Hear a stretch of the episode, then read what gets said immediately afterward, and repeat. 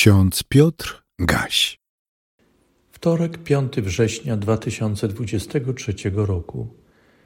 W księdze Izajasza w 44 rozdziale, 22 wersecie czytamy: Starłem jak obłok Twoje występki, a Twoje grzechy jak mgłę. Nawróć się do mnie, bo Cię odkupiłem. W liście do Kolosan w drugim rozdziale, czternastym wersecie znajdujemy takie słowa.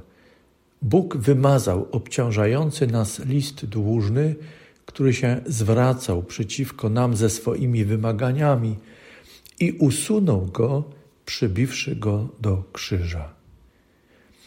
W Biblii, w przekładzie ekumenicznym, hasło starotestamentowe na dzisiejszy dzień z Księgi Izajasza 44 rozdziału przetłumaczono następująco: Zmazałem Twoje przewinienia jak chmurę, a Twoje grzechy jak obłok. Powróć do mnie, bo Cię odkupiłem. To oczywiste, że w tamtym czasie lud, człowiek nie sięgał chmur, obłoków. Mógł jedynie z perspektywy Ziemi obserwować je. Ale może właśnie z tego powodu człowiek częściej spoglądał ku górze, czasem z tęsknotą, a czasem po to, aby czegoś więcej dowiedzieć się o niebie, obserwując także chmury, obłoki. Przecież obserwacje nieba poszerzały wiedzę ówczesnych ludzi, wiedzę o niebie i jego znakach, również o chmurach. Czytanie nieba było istotne dla rozpoznawania pór roku, pór dnia i przewidywania pogody. Co ważne, umiejętność czytania nieba niewątpliwie była osiągnięciem, ale takie osiągnięcie nie uzbrajało człowieka w sprawczość sięgającą chmur i obłoków.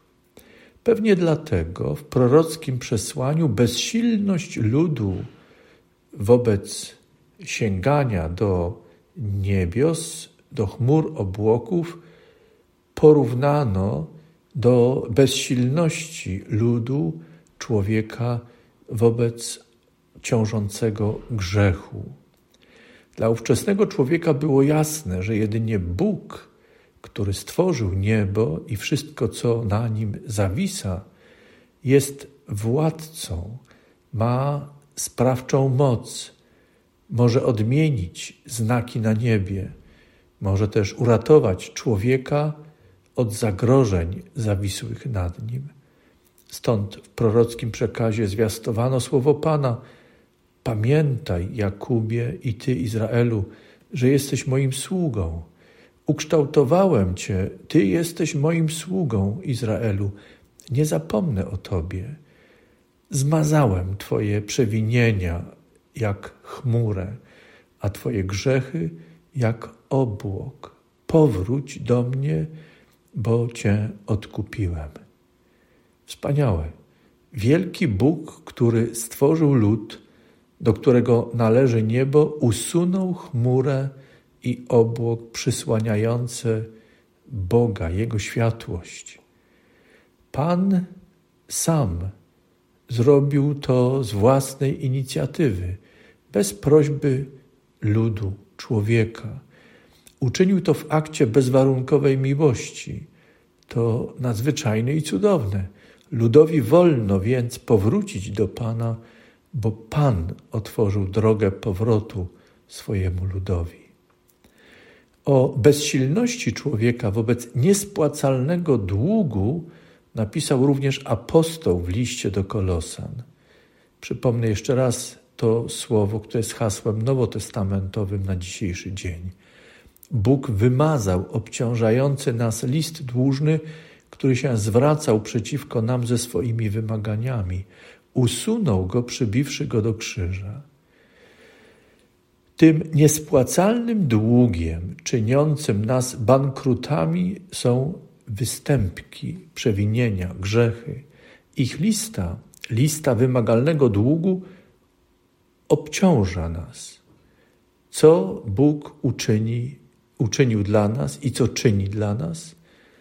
Pan w dziele odkupienia przekreślił zapis dłużny, który świadczył przeciwko nam i usunął go, przybijając do krzyża. Ukrzyżowany i zmartwychwstały Pan, Jezus Chrystus, wziął na siebie mój i Twój dług, nasz dług. Bóg dopełnił ostatecznego dzieła wybawienia, wyrwał nas z bankructwa. Uczynił to bezwarunkowej miłości wobec każdej i każdego z nas. Już to uczynił, bez naszej prośby, bez naszego błagania. Uczynił to ze swojej strony, z własnej inicjatywy, aby nas ocalić. Halina Kudzin w swojej pieśni napisała: Ja widzę Cię, Jezu mój, tam jak wiele masz sieńców i ran. Miłość Twej moc zawiodła Cię tam uwolnić mnie z grzechów i win. To nie gwoździe Cię przybiły, lecz mój grzech. To nie ludzie Cię skrzywdzili, lecz mój grzech. To nie gwoździe Cię trzymały, lecz mój grzech. Choć tak dawno to się stało, widziałeś mnie. Amen.